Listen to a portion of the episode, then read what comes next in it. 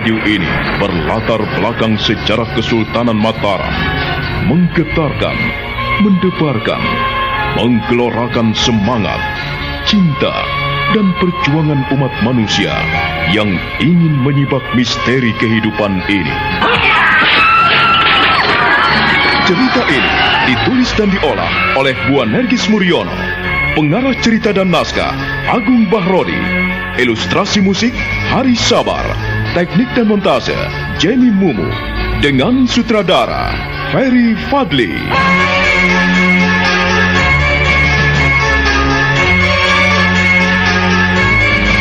Wahyu Astabrata dalam episode pertama ini dengan judul Carita Adi Purwa.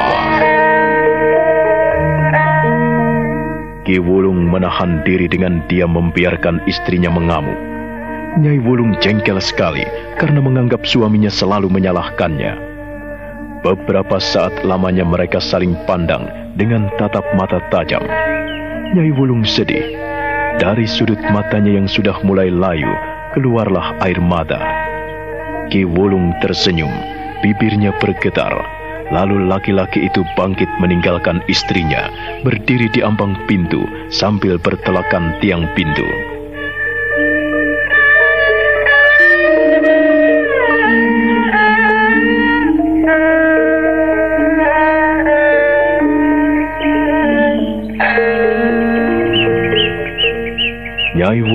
Ikut bangkit, lalu menyaut lengan kiri suaminya dan menyeretnya ke belakang. Dia benar-benar marah dan tidak bisa menahan diri lagi. Aku tidak bisa kalau kau terus diam begitu. Aku sudah berusaha menasehati cucumu, tetapi kau diam saja. Ah, kita ini sudah tua, Nyi. Kita harus sabar. Kita harus sedikit arif dan bijaksana. Jangan mengumbar apa yang ada di dalam hatimu. Kita harus ingat, Sukmo itu masih kecil. Jadi wajar apabila ia nakal dan bandel. Tetapi saat ini dia sudah pergi. Pergi dan dia tidak kembali. Ya, cepat atau lambat. Sukmo pasti akan pulang. Jadi kau tidak perlu ribut. Kau tidak perlu cemas dan takut. Tidak perlu marah-marah seperti itu, Nyi. Kau terus membelanya. Hingga anak itu ugal-ugalan dan berani pada orang tua. Aku tidak membelanya, Nyi. Aku hanya ingin mencernihkan hati dan pikiranmu. Ah, kalau kau terus marah seperti itu, bagaimana kau bisa memikirkan cucumu? Hah? Orang yang marah itu berarti tidak bisa menguasai diri. Belum bisa memikirkan diri sendiri.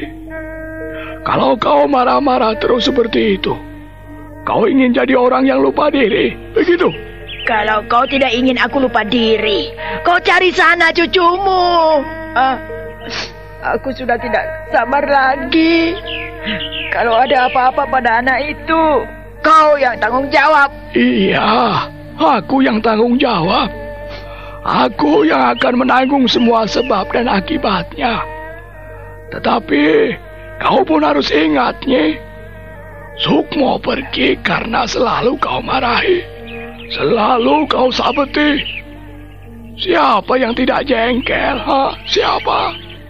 Siapa yang tidak mendongkol? Apabila sudah kerja keras, tetapi disabeti. Ha?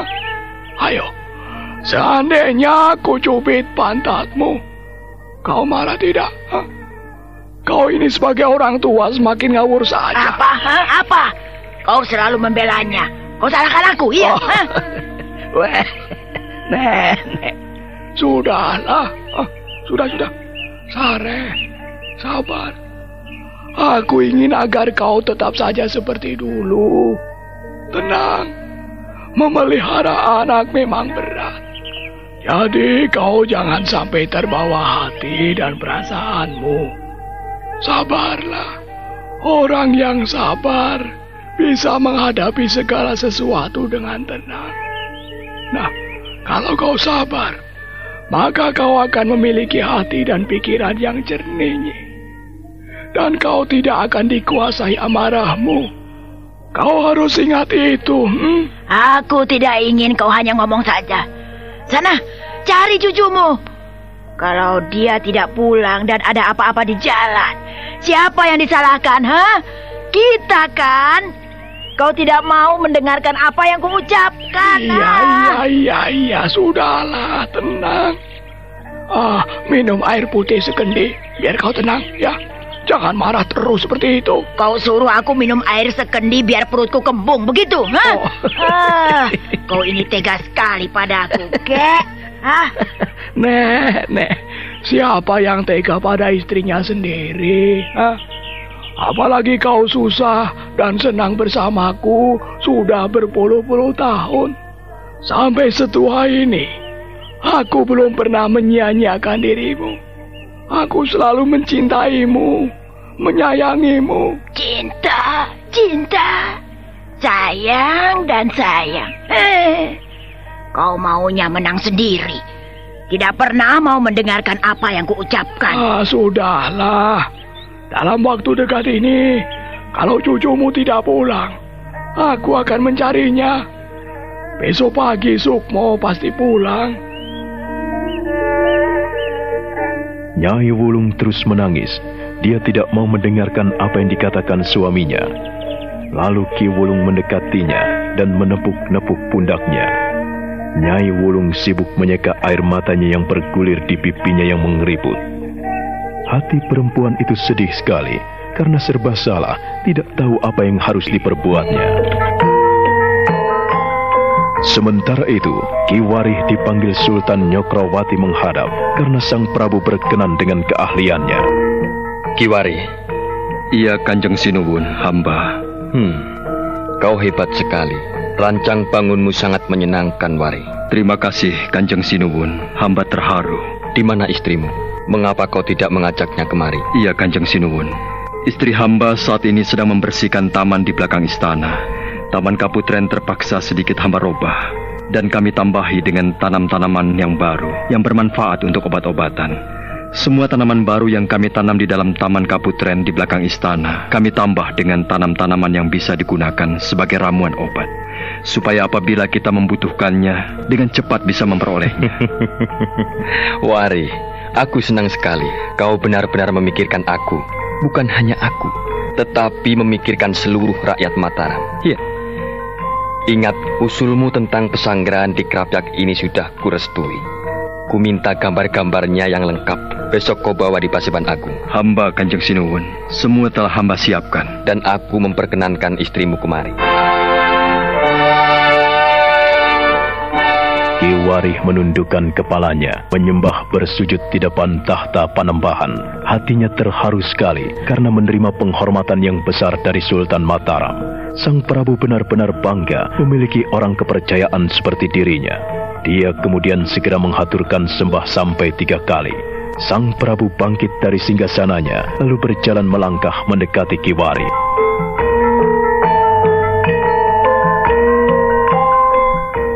Ayahmu dulu juga sering mengusulkan kepada almarhum Kanjeng Romo. Eyang Wulung pernah mengatakan, alangkah baiknya apabila kita memiliki pesanggaran-pesanggaran kecil. Sebab pesanggaran-pesanggaran itu bisa bermanfaat buat kita untuk melepaskan lelah. Dan ternyata kau mempunyai ide yang sama. Dan sekarang ini aku mewujudkannya, Wari. Iya, Kanjeng Sinuwun. Hamba siap. Hamba siap untuk melaksanakan perintah. Jangan khawatir, Wari. Aku pun akan ikut serta turun tangan dalam pembangunan pesanggaran di Kerapjak nanti. Nah, pesanku, agar kau besok pagi jangan lupa membawa gambar-gambarnya. Sebab hanya kau yang bisa kupercaya untuk mengatur semua ini. Terima kasih Kanjeng Sinuwun. Hamba akan melaksanakan titah paduka. Kadang-kadang apabila kita letih, kita juga perlu istirahat, bukan? Pemikiran-pemikiran seperti itu kadang-kadang menghantui pikiranku. Aku ingin segera mewujudkannya. Hmm, Wari, Iya, Kanjeng Sinuwun. Aku juga ingin kau merencanakan rancang bangun untuk seluruh daerah bawahan yang dimiliki Istana Mataram ini. Kita harus punya identitas.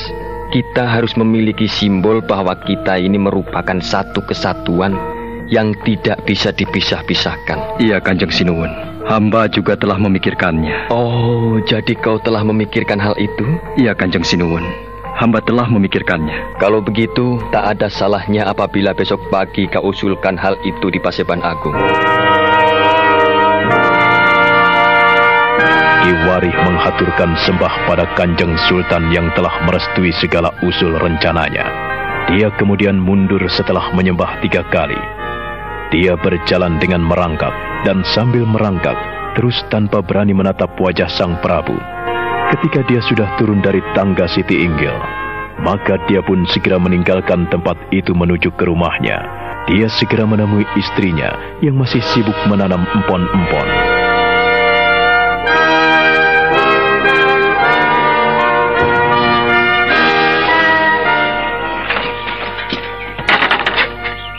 Bagaimana Kakang? Hasilnya memuaskan sekali.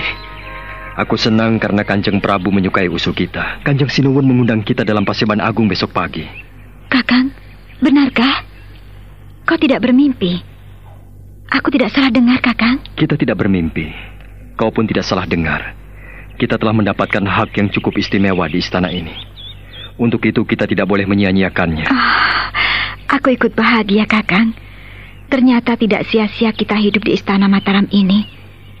Kanjeng Sinuwung menghargai kita. Kanjeng Sinuwun memperhatikan kita. Siapa orangnya, siapa pun dia, kalau dapat menjalankan tugas dan kewajibannya dengan baik, tentu saja ia akan mendapatkan penghargaan yang layak. Sekalipun kita tidak pernah memikirkan penghargaan itu. Dengan kepercayaan itu, kita telah mendapatkan penghargaan yang luar biasa. Kita tidak perlu memikirkan balas jasa. Kita tidak perlu memikirkan timbal balik. Tetapi Kanjeng Sinuwun telah menjanjikan kita, telah menjanjikan kemuliaan buat kita. Aku terharu mendengarkan titah beliau.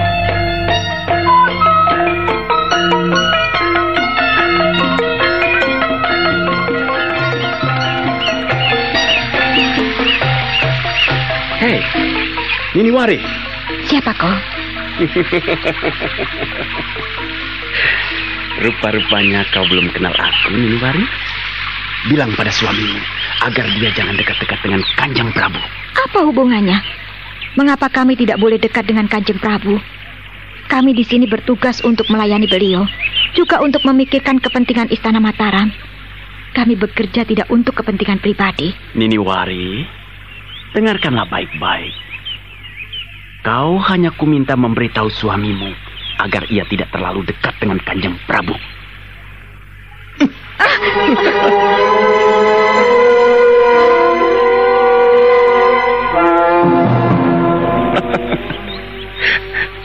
Kisana, kau jangan kurang ajar. Oh, Nini Wari, ternyata dagumu masih kencang. Pipimu ranum bagaikan delima di belah dua. Hmm? Kalau kau dulu ku kenal dengan baik, tentu saja aku mau menyuntingmu. Hmm? Kisana, kau jangan kurang ajar. Aku bisa melaporkan tindakanmu pada Kanjeng Sinuun. Oh, ya ya ya ya, laporkanlah. Bilang padanya. Itu jika kepalamu ingin putus. Kisana, Katakan padanya, namaku Kolo Cokro. Ingat-ingat dengan baik. Namaku Kolo Cokro. kau... Kalau Cokro, Hmm, ternyata tajam ingatanmu. Bagus. Ah, Miniwari, aku suka padamu. Jika kau tidak punya suami, ah, aku juga mau menerimamu. Kau akan kusunting dan kuberi rumah yang indah dan mewah. Kalau Cokro, wajahmu tampan, tubuhmu juga gagah dan tegap. Oh, Sayang, bila semua itu hanya lahiriah saja, hati dan pikiran busuk berbelatung. Oh, begitu. Jadi, oh, wajahku tampan, tubuhku tinggi tegap. Hmm? Terima kasih atas pujianmu, Niniwari. Tenanglah, suatu saat kau pun bisa menikmati kelebihanku. keperkasaanku. Hmm? Hati dan mulutmu benar-benar kotor kalau Cokro. Hei, tunggu. Lepaskan! Lepaskan! Mana mungkin aku melepaskan perempuan. Hmm? Mari. Lepaskan! Kau tidak suka kusentuh? Lepaskan!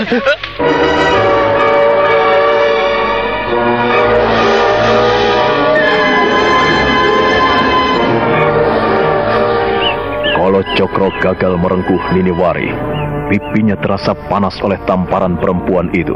Kalau Cokro meraba pipinya sambil tersenyum dingin dan menghampiri Niniwari, perempuan itu menjadi takut sekali.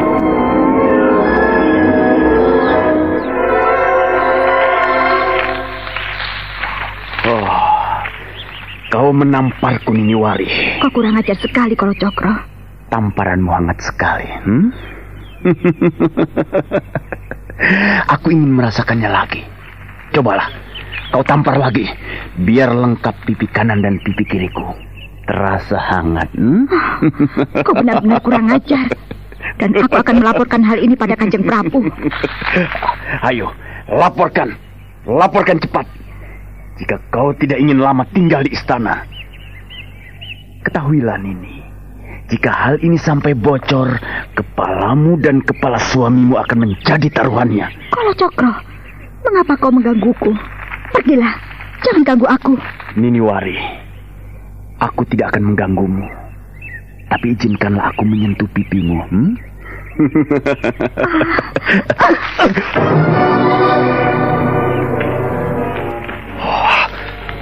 Eh, Kenapa kau bersikap kasar padaku, Niniwari? Kau tidak sopan. Sikapmu lah yang sangat kasar. Kau tidak menghargai istri orang. Niniwari, aku minta kau tidak keberatan ikut aku. Kau sungguh tidak tahu diri. Niniwari. Jangan sentuh aku. Jangan mendekat.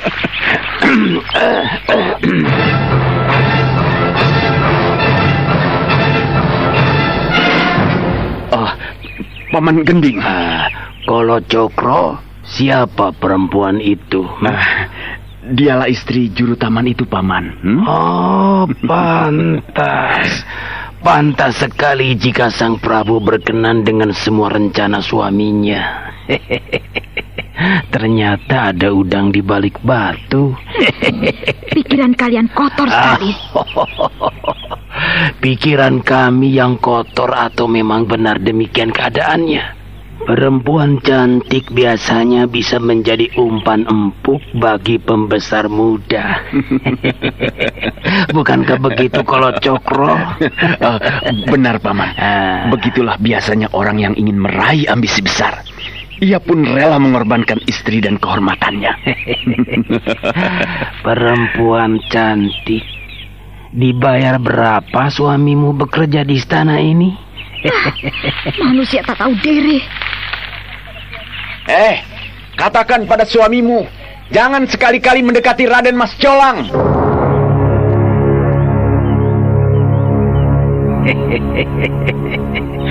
Apakah tujuan kita bisa berhasil, Kolo Cokro? Ah, semua tergantung pada Pangeran Puker. Jika ia mau sedikit susah, tentu gampang meraih tuntutannya. Tapi kalau ia tetap diam seperti itu, mana mungkin bisa berhasil? Segera temui beliau, dan aku akan menyusul. Bagaimana, kalau Cokro? Apakah tugasmu sudah kau lakukan dengan baik? Semua dapat berjalan dengan lancar, Pangeran. Kau sudah menemui Niniwari? Iya, Pangeran. Apa katanya? Saya yakin ia akan melakukan apa yang kita inginkan. Ia tidak berkutik di hadapan saya. Ia ketakutan sekali, Pangeran. Kau bawa namaku? Oh, jangan khawatir, Pangeran. Nama Pangeran tidak ada yang tahu. Semuanya sayalah yang menanggung. Kata-katamu bisa kupercaya. Kepala saya menjadi taruhannya, Pangeran. Hmm, aku percaya kepadamu. Tapi kalau ada apa-apa, orang pertama yang kutangkap adalah kau. Ini bukan masalah ringan. Iya, Pangeran. Saya tahu itu. Simpan rahasia ini sebaik-baiknya.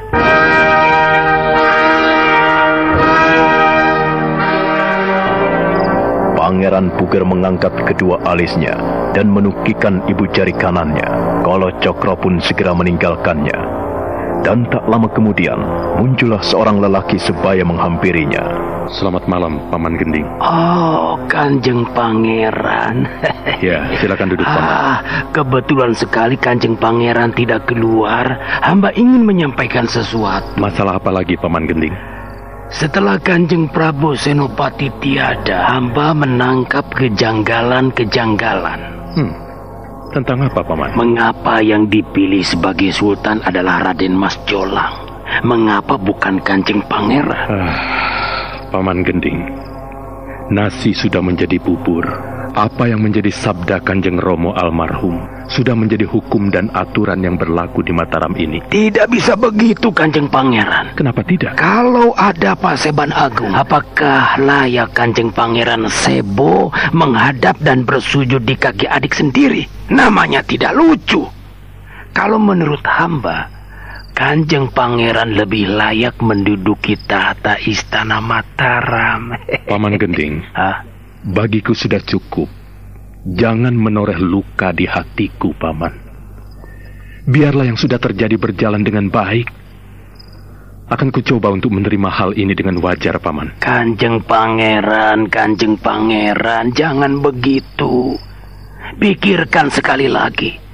Kanjeng Pangeran adalah tidak malu jika Kanjeng Pangeran duduk bersujud di depan Raden Mas Jolang. tidak mungkin, bukan? Sudahlah, Paman. Aku tidak mau memikirkannya lagi. Uruslah pekerjaanmu sendiri dengan baik. Oh, itu pasti Kanjeng Pangeran. Sebagai seorang wakil pemerintah Mataram di Demak, hamba sudah sungguh-sungguh memegangnya. Jadi Kanjeng Pangeran tidak perlu khawatir mengenai tanggung jawab hamba. Hamba hanya mengusulkan, mengingatkan agar Kanjeng Pangeran tidak lupa akan kedudukan yang sebenarnya. Kalau perlu, mintalah kedudukan yang layak sebagai putra tertua Kanjeng Sultan almarhum. Paman Gending, ku minta tidak memperpanjang masalah ini. Aku ingin melupakannya. Maafkan saya. Saya ingin istirahat. Oh, ampunkan hamba Kanjeng Pangeran. Jika kehadiran hamba sangat mengganggu ketenangan Kanjeng Pangeran. Sekali lagi, hamba mohon beribu ampun. Selamat malam, Kanjeng Pangeran.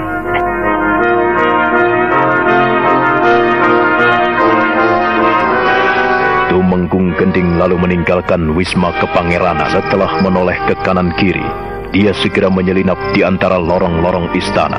Suasana di sana nampak gelap gulita. Hanya pelita minyak di sudut-sudut ruangan istana nampak temaram. Sementara itu, di kediaman Kiwari nampak hening dan sunyi. Cukup lama dia memperhatikan istrinya yang melamun.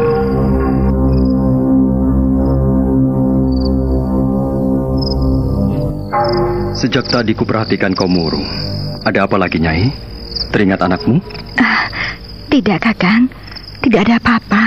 Kalau ada persoalan, katakanlah. Jangan membiarkan persoalan bertumpuk-tumpuk di hatimu. Ada masalah apa? Kakang tidak percaya padaku. Bukannya tidak percaya, Nyai. Tapi kita cukup lama hidup berumah tangga.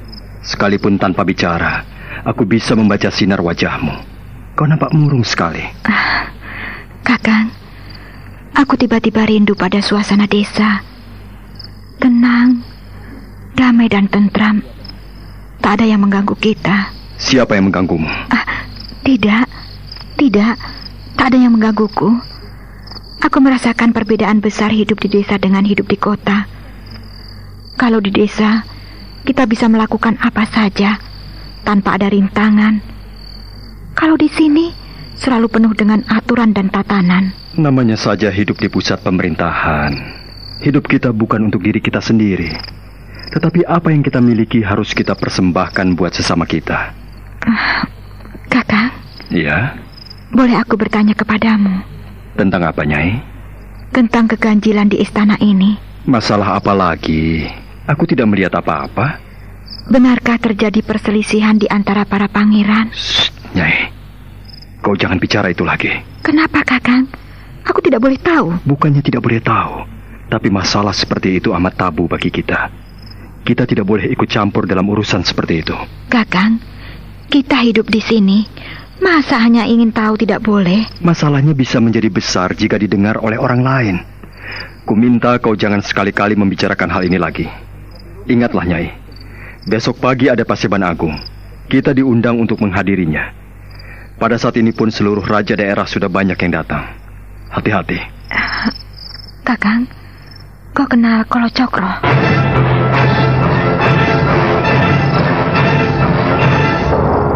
Untuk beberapa saat lamanya, mereka tenggelam dalam keheningan. Kiwarih memperhatikan istrinya dengan dahi berkerut. Sinar matanya memancarkan kecemburuan.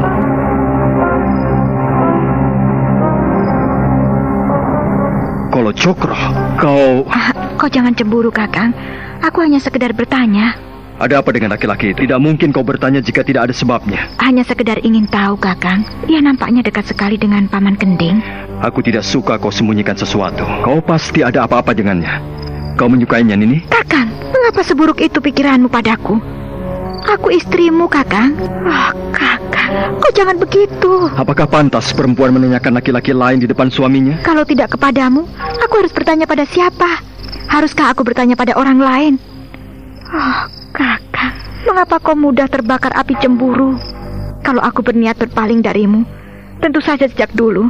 Kok, kok keterlaluan sekali. Aku ingin tahu, apa tujuanmu menanyakan laki-laki hidung belang itu? Ah, Kakang, jadi... Kalau kau tertarik padanya, silahkan temui dia. Kakang, sekali lagi ku ingatkan, agar kau jangan mudah terbakar api cemburu. Aku tidak ada apa-apa dengan dia.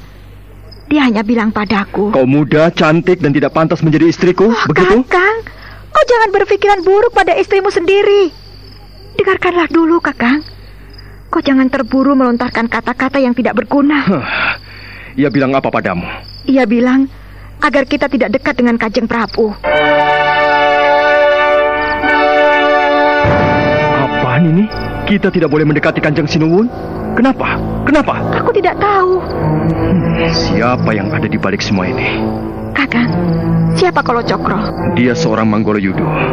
Tangan kanan Paman Gending. Tangan kanan Tumenggung Gending? Ia laki-laki hidung belang. Ia suka menggoda istri orang. Hati-hatilah kau. Aku akan melawannya. Jika ia macam-macam kepadamu, ia akan kubunuh.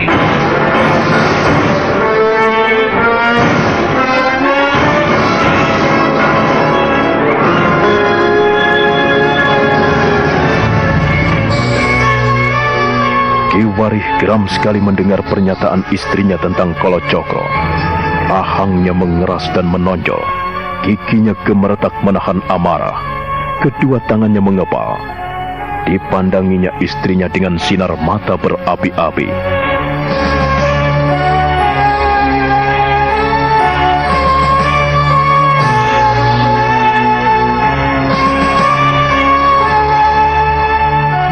Bagaimana kisah selanjutnya? Saudara pendengar, silakan menunggu kelanjutan kisah Wahyu Astabrata ini dalam seri berikutnya. Sampai jumpa.